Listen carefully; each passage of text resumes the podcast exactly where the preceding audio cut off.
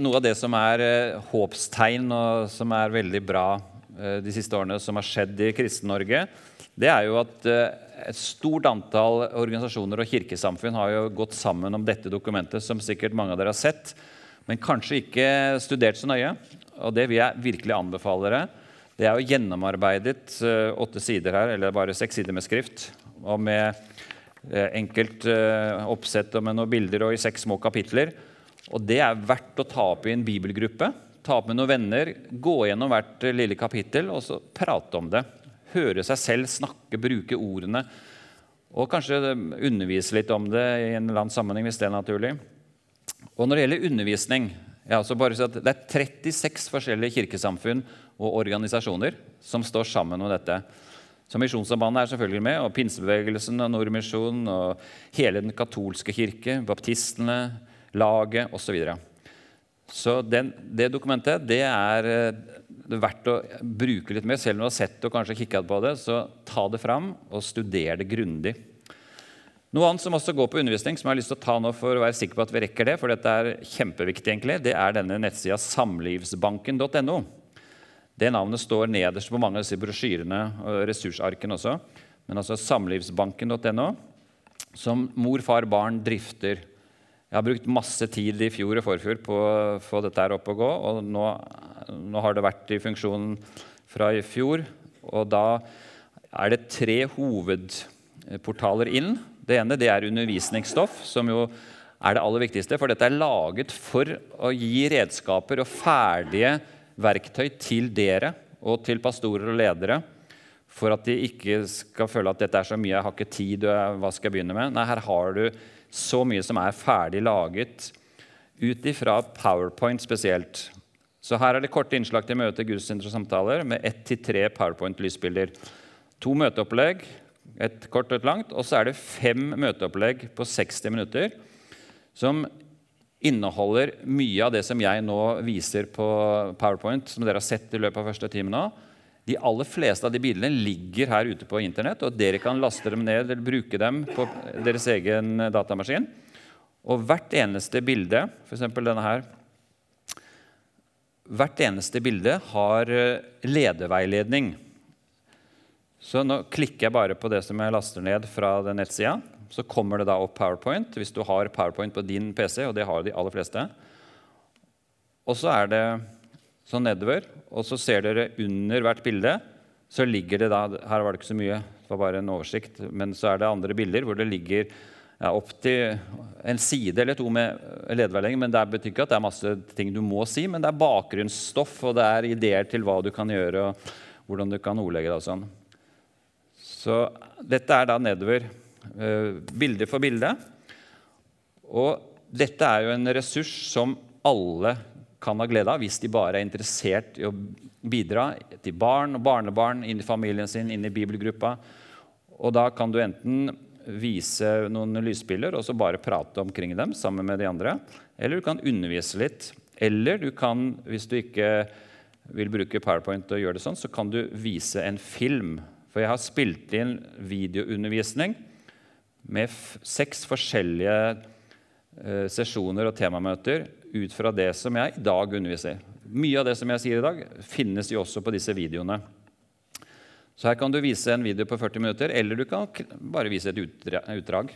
Vise 10 minutter som du syns var interessant med de og de bildene. Så Gjennom disse seks videoene så bruker jeg nesten alle de 80 lysbildene i PowerPoint som ligger på dette nettstedet. Så her er det så mange muligheter hvis du vil bruke denne ressursen. Og alle disse PowerPoint-bildene er du 100% fri til å endre akkurat som du foretrekker. Det kan være du syns den setningen var litt rar, eller den, det ordet vil bytte ut, eller jeg putter inn en ny setning, eller jeg vil ha et annet bilde. Gjør akkurat som du vil. Her har du utgangspunktet, og så bare tilpasser du det. Og så lenge du ikke forandrer budskapet og begynner å misbruke det, og det tror jeg ingen av dere kommer til å gjøre, så kan du gjøre nøyaktig hva du vil. Du bør ikke spørre oss om noe. Det er fritt fram, det er public domain, dette her nå. Så bare gjør akkurat som du vil. Så, så, Det er jo den viktigste delen av hele opplegget. Det er alle disse eh, PowerPoint-bildene og ledeveiledningene. Og så er det nyttige ressurser.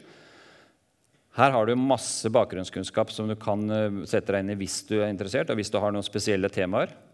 Først er det noen ekstra PowerPoint-lydspill. Vi kommer til å legge ut flere der etter hvert av nye som ikke finnes i disse modulene og i, i filmen eller vi, videoene.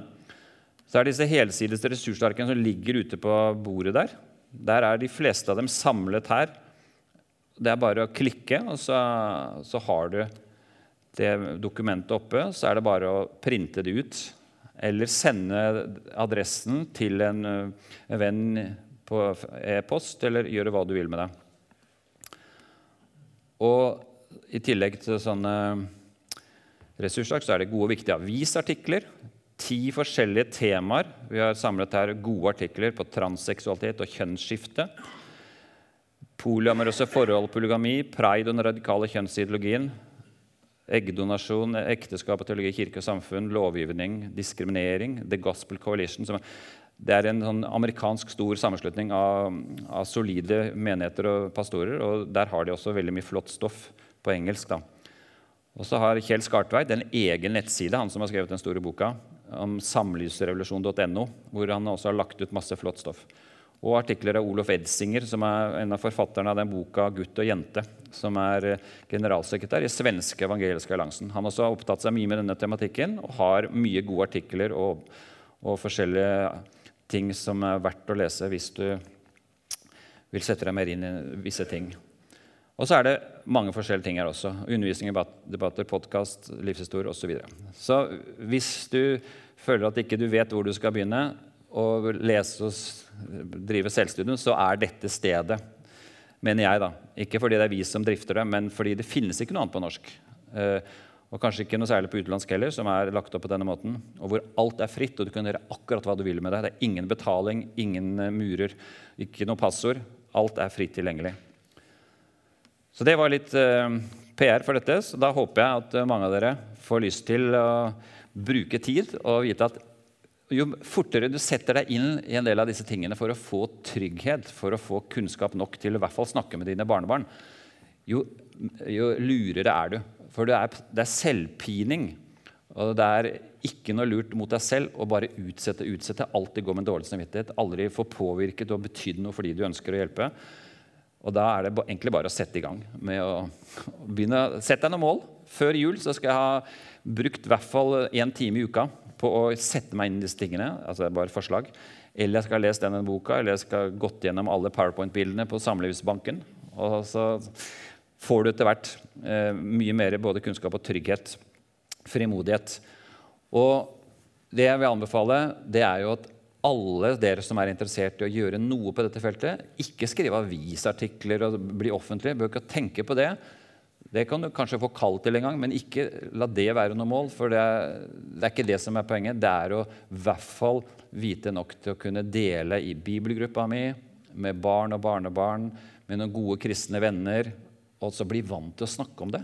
At vi ikke har denne tausheten fordi vi syns alltid det er så pinlig eller vanskelig eller utfordrende, og det er spenningsfylt osv. Og det er jo veldig ofte fordi vi ikke vet nok. Da er det sagt at eh, Samlivsbanken er det verdt å bli kjent med. Å bruke, og ikke minst anbefale til andre.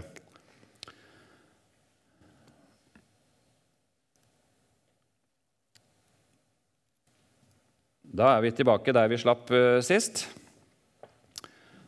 Og nå er uh, siste kvarteret mitt her før vi tar litt åpen mikrofon det er eh, hva vi kan gjøre. Eh, og da er det mye som kan sies om det, men jeg har lyst til å dele det opp i noen eh, få bolker. Her på følgende bilde ser dere oversikten. Bevisstgjøring, kunnskap, fellesskap og medarbeiderskap, media, barnehage og skole, samfunn og lovgivning. Jeg skal ikke gå gjennom alle de, men det jeg kan si, er at på ressursbordet så ligger det et ark som heter 'Hvordan forholder vi oss? Hva gjør vi?' Og Her står veldig mye av det som jeg nå skal bare gi et lite glimt av. Og Så kan dere lese alt her, og også slå opp bibeltekster. og helt at Dette er et veldig nyttig ark, som også godt kan brukes i en gruppesammenheng. For både dette arket og mange av de andre arkene har spørsmål til samtale nederst. Så dette er et ferdig gruppeopplegg. Og dette kan, det er til og med såpass mye stoff at det kanskje kan brukes over to eller tre gruppemøter hvor man snakker om disse tingene sammen. Dette arket eller hvilke som helst av de andre som har spørsmål. Ja, Dere kan jo lage egen også hvis dere ikke eh, hvis dere ikke har eh, et tema som har spørsmål på. Men her, hva visste Paulus om homofili? Han, eh, har han autoritet til å si noe om denne saken? Bortsett fra han også er kalt av Gud og er inspirert. Men hva visste han kulturelt? Også med spørsmål til samtale nederst. til her, Fem gode grunner til at kristen samlivsteologi ikke kan være kjønnsnøytral. Fem veldig sentrale punkter om eh, begrunnelsen for hvorfor vi tror at ekteskap er mann og kvinne. Og så fire spørsmål nederst til samtale. Så bestemmer dere og snakk med gruppa deres for eksempel, om ikke dere skal ta et eller to av disse arkene se hvordan det fungerer. Og da bare last dem ned, print dem ut på datamaskinen hjemme og del ut i gruppa. Fra samlivsbanken.no. Der ligger alle sammen. Men eh, hvis vi da bare ser litt på dette og noen få bibelvers før vi går over til åpen mikrofon, så er det bevisstgjøring som er det første på hvem er vi som kristne. Hva er det som kjennetegner oss? Hvorfor kan vi ofte føle oss litt fremmede i verden? Jo, vi er jo et annerledes folk. Vi tilhører et annet rike, en annen herre. Vi har andre verdier og prioriteringer. Vi har en annen autoritet. kort og godt. Det er ikke lenger verden og politikere og det populære og media som er autoriteten vår. Nei, det er jo Bibelen, det er Gud, det er Jesus Kristus. Vi er fremmede, sier Peter. og i et av versene står det også vi er fremmede og utlendinger. Det er ikke vårt egentlige hjemland. Eh, fedrelandet Norge er et flott land å bo i, og det her tilhører vi, men vi har et annet fedreland hvor vi er på vei til. Etterfølgelse og lydighet. Gud kaller oss til å leve i og forsvare hans sannheter. Det å være kristen det er ikke bare å vite at jeg er frelst og, er akseptert av Gud, men det er også det å leve et liv i verden. Ikke av verden, men i verden. Og I samme kapittel 17 i Johannes så sier Jesus også at eh, 'jeg sender dere til verden'. Og Det er liksom en definisjon av hva det vil si å være kristen. Det er at vi lever i verden, men vi er ikke av verden. Men Gud har et oppdrag til oss ved å sende oss til verden. Og Det er en forsvarskamp. Eh, vi er ikke med i en kamp mot mennesker og mot fiender, men det er en kamp og en forsvarskamp primært fordi vi blir angrepet mot ubibelske ideologier, tankesystemer og trender. Og Det er jo det som Paulus sier i Efeserne 6, som vi må ta på oss Guds fulle rustning. Og Det er bare helt grunnleggende, og mer og mer blir det. Og I denne forsvarskampen bør vi også støtte, eventuelt samarbeide med andre som også står for de samme verdiene, selv om ikke de er kristne nødvendigvis. Vi må alle ta et gjennomtenkt valg og stå for det. Sannheten går ikke ut på dato. Så en bevisstgjøring som venner oss til at uh, det er ikke noe galt med oss om vi føler oss uh, utafor og at uh, det er så mye merkelig som skjer. Nei, det er sannsynligvis et sunnhetstegn. Og jeg synes uh, Det som Paulus sier med å ta på Guds fulle rustning, er jo veldig interessant. Fordi det er jo både det med sannhetens belte, det er med sannhet som vi er kalt til å forsvare og bruke i vår forsvarskamp. Det er rettferdighetens brynje, Guds rettferdighet, både i vårt eget liv, det han har gjort for oss, men også eh, fremme rettferdighet rundt oss. Fredens evangelium som sko. Det er troens skjold som vi må beskytte oss med. Det er frelsens hjelm, ikke minst for tankene hodet for alle ideologier og løgner og trender som prøver å invadere oss. Og så er det åndens sverd som er Guds ord. Leve i jordet, som Jesus sier eh, i Johannes 8, som er mitt eh, livsvers. Hvis dere blir i mitt ord, er dere virkelig mine disipler. Da skal dere kjenne sannheten, og sannheten skal gjøre dere fri.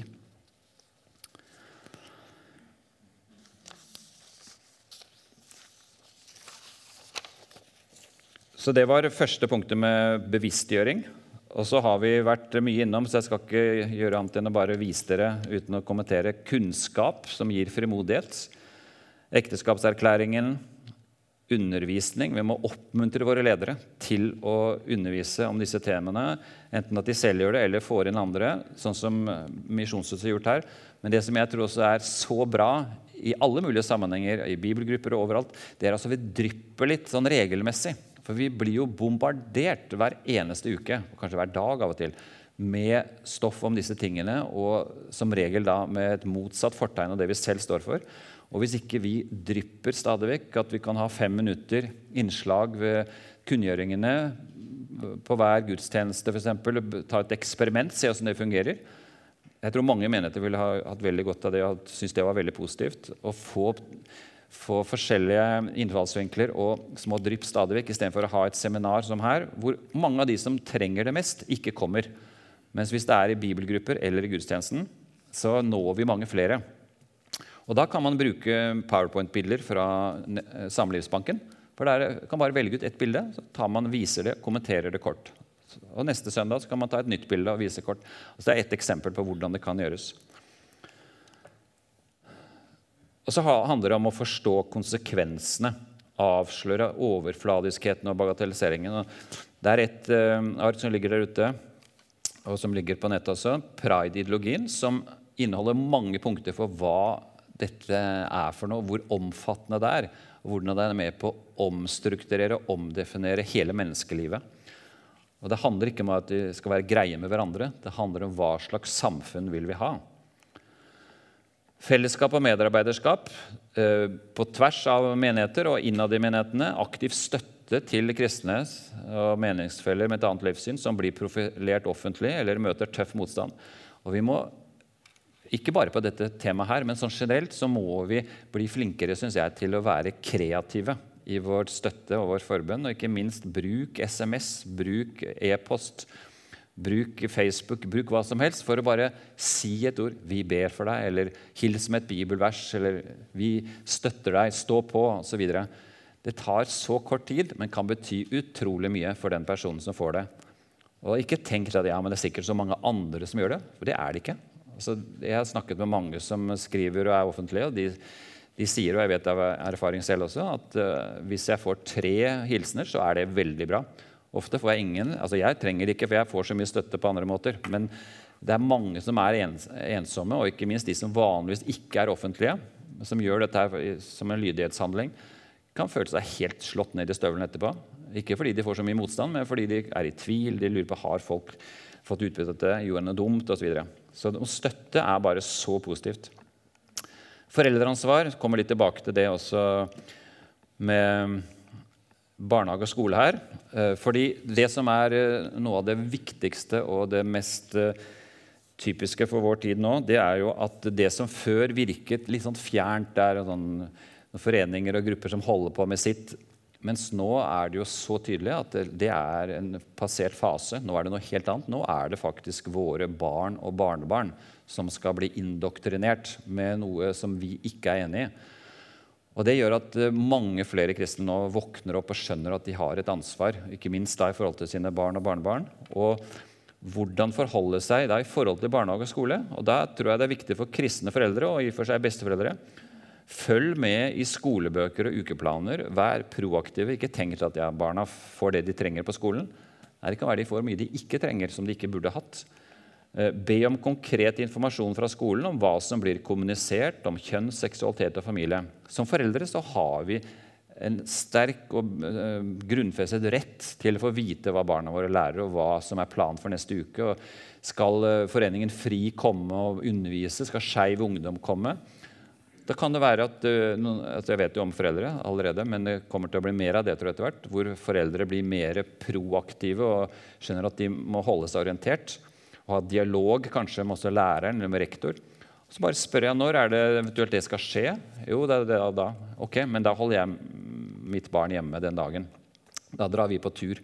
Da er ikke han med Og så videre. Jeg sier ikke at det er måten å gjøre det på, men det kan være. Jeg kjenner folk som har gjort det. Og for En som også har vært litt offentlig i dagen, var det kanskje sto om det.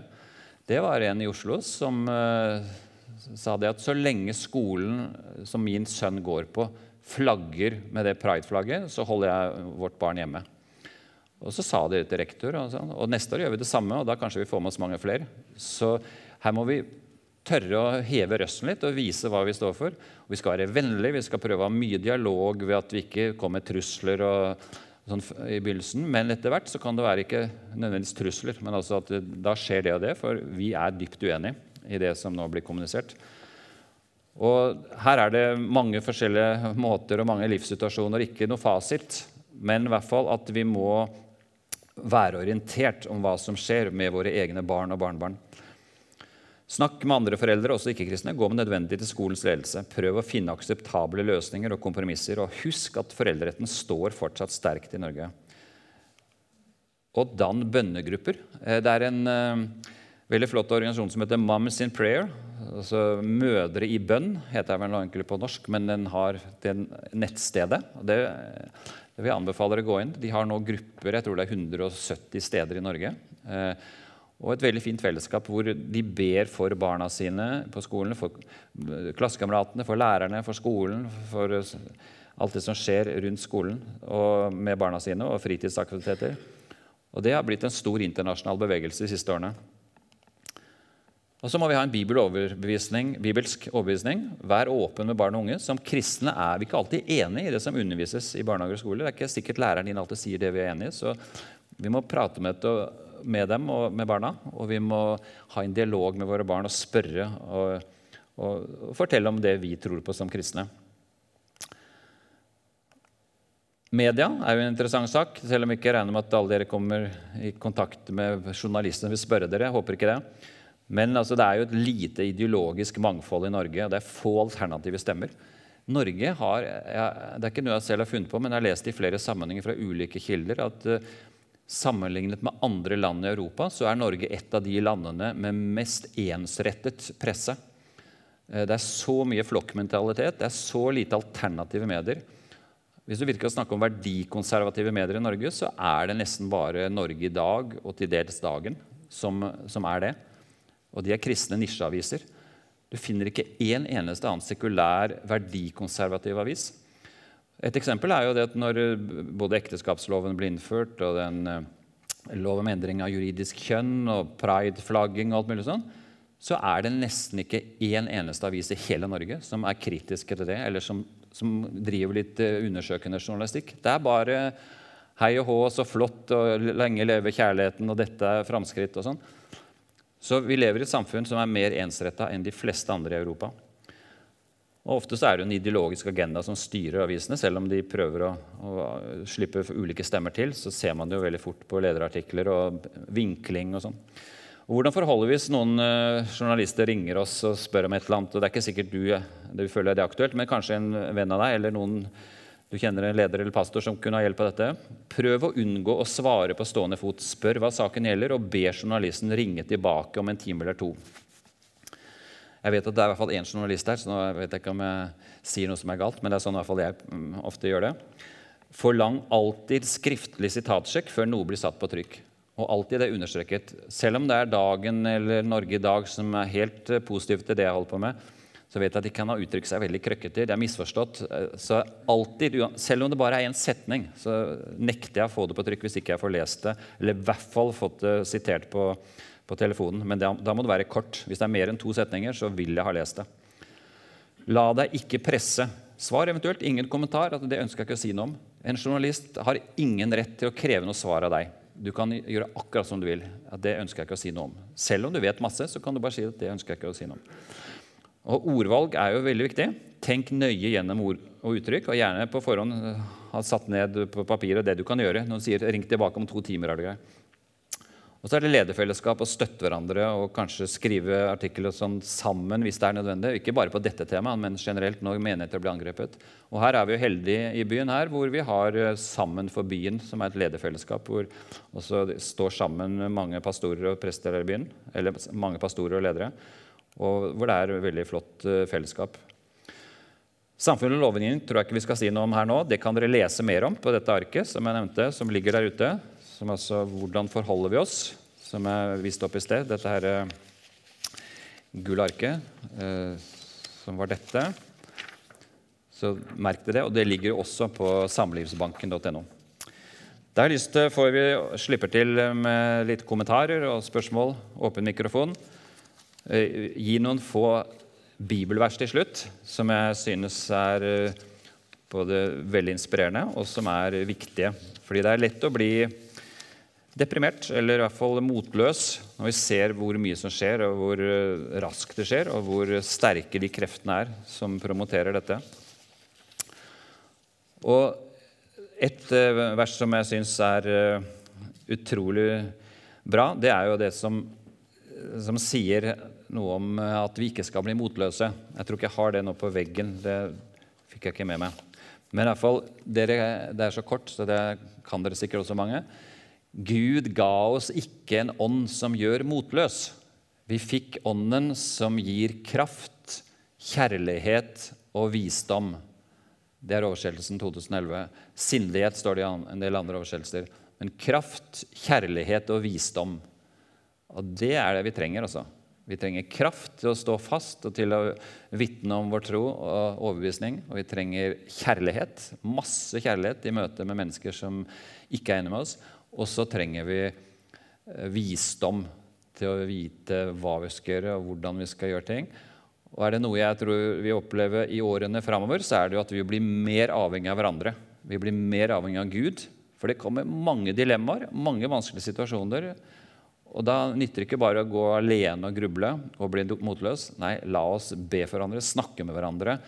La oss bli mer avhengig av hverandre. Og så tror jeg helt sikkert også vi vil oppleve at vi må søke Gud.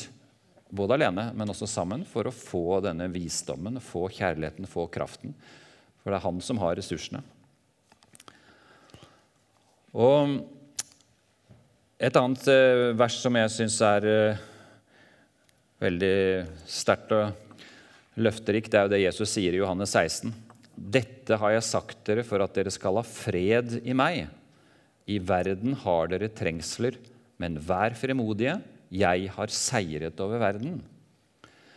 Jesus sier jo i flere sammenhenger, også der i kapittel 15, 16 og 17, eh, snakker han om at uh, dere vil møte tøffe tider, tøffe forhold. Her i det kapittel 16 snakker han til og med om at eh, noen vil drepe dere og tro at de gjør en tjeneste for Gud ved å drepe dere. Og det, det tror jeg ikke er aktuelt for oss på noen måte eh, her i Norge. Men altså, det er jo trossøsken rundt om i verden som opplever det. At eh, folk dreper i Allahs eller andre guders navn og tror de gjør noe veldig godt fordi kristne er fritt vilt. Så vi er, vi er forberedt på forhånd av Jesus og Paulus og Nesten hver eneste bok i Nytestamentet har jo noe om forfølgelse og prisen ved å følge Jesus. Men vi kan midt i det vi opplever også som motstand, og kanskje også når vi opplever som lidelse for Jesus skyld, så kan vi være frimodige, for Jesus har seiret over verden. Han er seierherren, han er på tronen. Og vi skal slippe å ta verdens ulykker og verdens problemer og kjønnskampens eh, utfordringer på våre skuldre og tro at det skal vi bære. Nei, det er det Gud som har ansvar for. Han har oversikten, han har kontrollen, han er historiens herre. Og Derfor så minner jeg noen på når jeg møter litt depressive folk, at uh, du har lov til å ha litt sånn hellig avslappethet. Altså, du behøver ikke å bære dette, for det er egentlig ikke ditt ansvar. Og vi må hjelpe hverandre til å sette ting i perspektiv og vite det at vi, det vi er kalt til, det er jo å følge Jesus. Det er ikke å ta på oss alle bekymringer og alle utfordringer på våre egne skuldre. Og Da har jeg lyst til å slutte med et bibelvers fra 5. Mosebok, som eh, er veldig flott. Og Det er fra 5. Mosebok 13,4, som lyder slik.: Herren deres Gud skal dere følge, og ham skal dere frykte. Hans bud skal dere holde, og hans røst skal dere adlyde. Ham skal dere dyrke og ham skal dere holde fast ved. Ikke som noe plikt og som eh, noe sånn tungt, men som et privilegium. Forfølge Herren, frykte ham og ikke alle verdens meninger og folk rundt oss. Det er ham vi skal ha ærefrykt for. Holde hans bud, adlyde hans røst, holde så nært til Jesus at vi hører ham også når han hvisker til oss. Å dyrke eh, Gud dyrke ham på en måte at vi opphøyer ham, tilbør ham, at han er vårt sentrum i livet, og holder fast ved ham, eller som det står i en engelsk oversettelse, klynge seg til ham. Å, Jesus, la meg få klynge meg til deg. Det er eh, det siste ordet fra min eh, munn nå i si, undervisningen. Så kan det godt være at jeg skal svare på noen spørsmål eller kommentere noe, men nå er det dere som eh, får anledning til å si noe i den mikrofonen som står her. Den virker. Da håper jeg at vi ikke behøver å gjenta som vi gjør på vitnemåten, at vær frimodige. Det er bare å ta ordet. For her behøver man ikke å være veldig frimodig, det er bare å komme. Så Ingen kommentar eller spørsmål er for enkelt eller for, for, innlysende. Hvis du tror at alle andre vet så mye mer enn deg, så er nok ikke det sant. Så vær så god. Da er ordet fritt. Jeg er klar over at jeg har pepret dere med så mye rask tale og ganske mye substans, så det, det kan være noen føler seg helt sånn matt innvendig nå. Hodet er tomt. Men er noen, der har vi Ingar. Han, han, er ikke, han er ikke i den kategorien. Det er godt. Det kan nok av og til være tomt, da. Det kan det være. Men eh, jeg synes vi, vi, er jo veldig heldige her i Misjonshuset som har Øyvind midt imellom oss. Og som også kan ha denne serien som han har hatt, og ta oss med inn i dette, dette viktige temaet som har såpass så mye å bety. Eh, og som er krevende. Jeg kjenner på det, og det tror jeg mange av dere kan kjenne på. Dette å som kristen da, å møte den påvirkning. Eh, og samtidig være trygg på det at det vi står for, det er det beste. Vi får lov til å stå trygt på Guds ord og være avslappa i forhold til dem som sier oss imot. på en måte. Altså på den måten, ikke for at vi skal være passive sånn, men at uh, vi trenger ikke på en måte å ta ansvar for deres uh, synspunkt, men vi skal for oss midt i alt vise vennlighet og vise kjærlighet, selv om vi er uenige. Jeg satt og tenkte litt på det her i sted, at eh, vi som sitter her nå, det er noen under 50, tror jeg. Det er det. Men det er ikke mange. Og de fleste er 60 pluss. Og det er jo på en måte generasjonen under mm. Som er enda viktigere, på en måte, for det er de som vil kjenne det på kroppen. Foreldre som har barn i skolen, og som får møte dette her. Og hvordan da liksom møte dette og hjelpe barnet. Og hvor stor grad kan en forvente at du skal ha et barn som er kanskje alene, eller noen få som har kristne foreldre i en klasse, skal stå for noe, eller foreldre kan kreve at du tar ut av, mm. av, av, av skoledagen for at du vil ikke at barnet skal være til stede når det og det skjer. Så, så det er jo liksom det, dette med den kristne eller private skolen også, da som jeg tror er viktig midt oppi denne her, at vi har kristne skoler. Vi har mange, mange kristne videregående skoler i, innenfor NLM og i Norge. Og vi har en del kristne ungdomsskoler, og vi har også en del kristne barneskoler.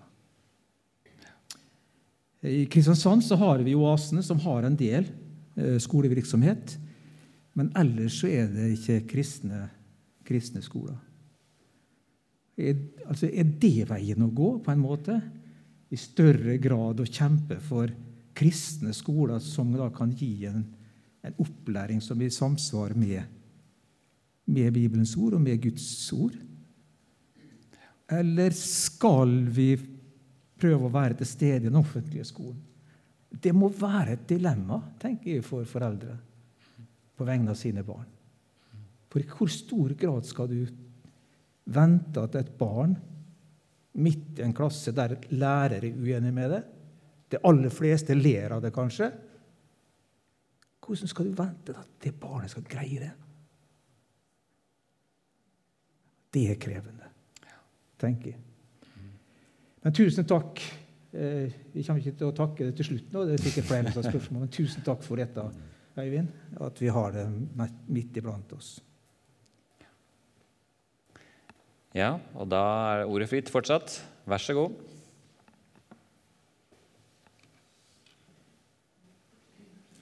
Jeg har bare lyst til å si at disse to kveldene de har gjort noe med meg.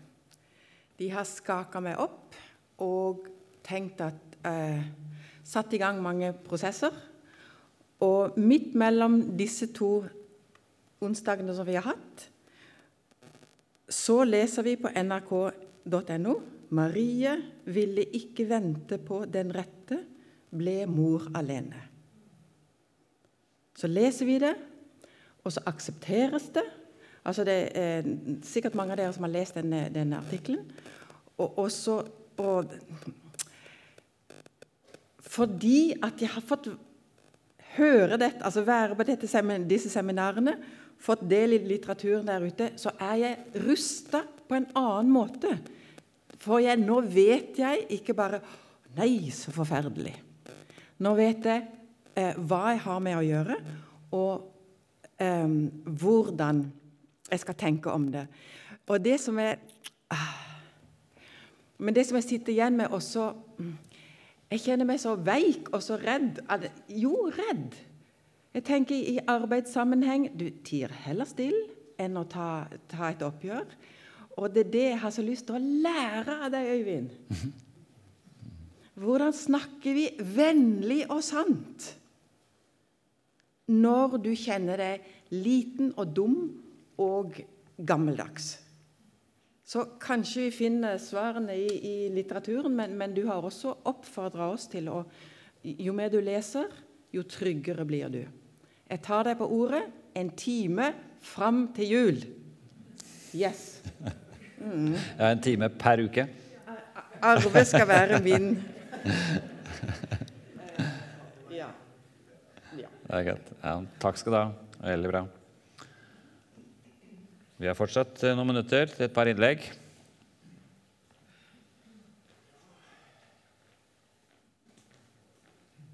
Uh, ja, uh, det er jo det er fryktelig tankevekkende å sitte sånn en kveld. Brette litt opp, den mikrofonen. Ja. ja flott. Eh, og det er en ting som jeg har tenkt veldig lenge på. Det er jo det at, at i, i, mange sånne etiske spørsmål, og i disse samlivsetiske spørsmålene, så er det noen få personer som liksom som er de som er frontfigurene. Eh, og så, og, og, og så eh, er det underlig stille i, eh, blant fotsoldatene, vi som er eh, i forsamlingen.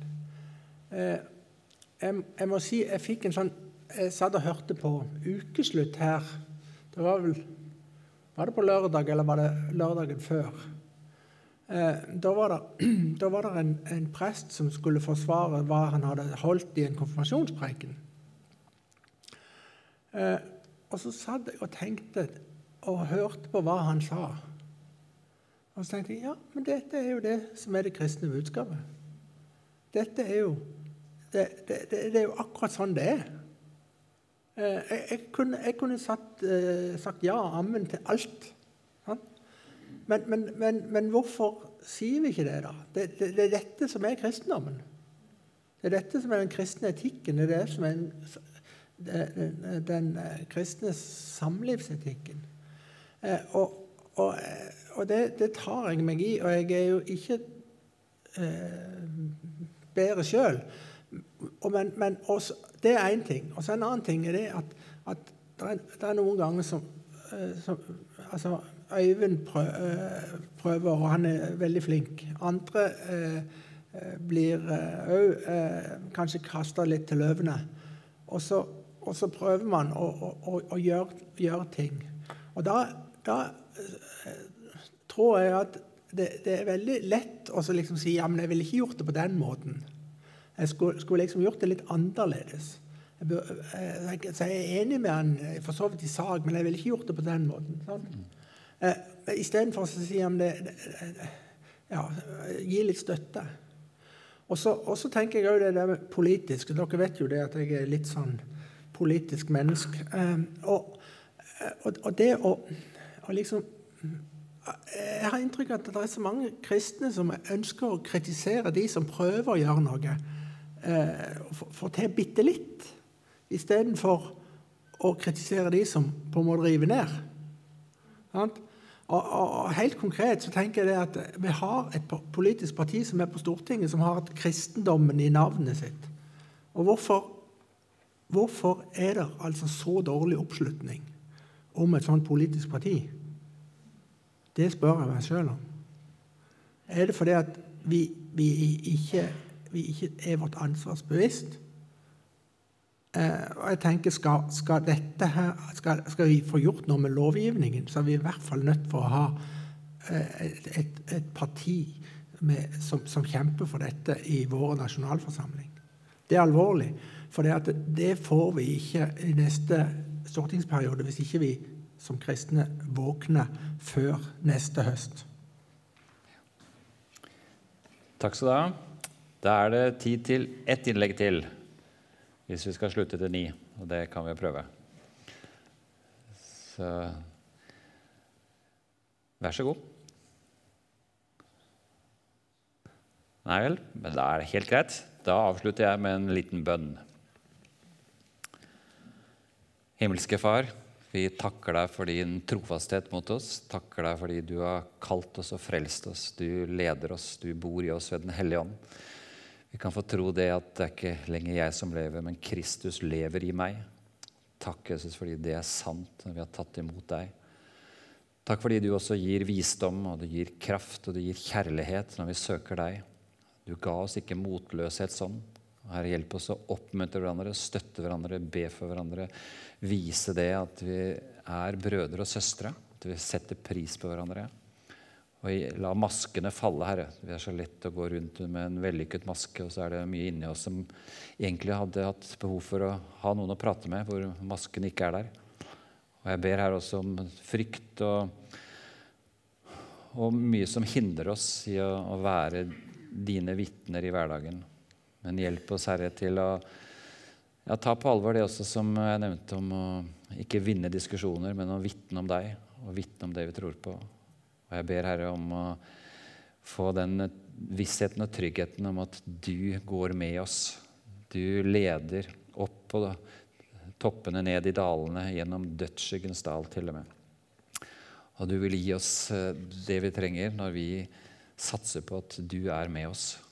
Og jeg takker deg, Jesus, fordi vi kan få bekjenne med hele den kristne kirke og med alle dine brødre og søstre rundt om i verden som tatt imot deg, Jesus, som du identifiserer deg med. Og som du sa til Saul da han ble stanset på vei til Damaskus. Saul, Saul, hvorfor forfølger du meg? Du sa ikke 'hvorfor forfølger du de kristne', men du er så identifisert med de som betaler en pris for troen sin. Og jeg takker deg fordi det er sant for oss også at uh, hvis vi må betale en høyere pris etter hvert nå for troen vår, så vet vi at du er der sammen med oss. Og takk fordi vi kan få bekjenne at om vi lever, så lever vi for Herren. Om vi dør, så dør vi for Herren. Enten vi da lever eller dør, hører vi Herren til. Amen.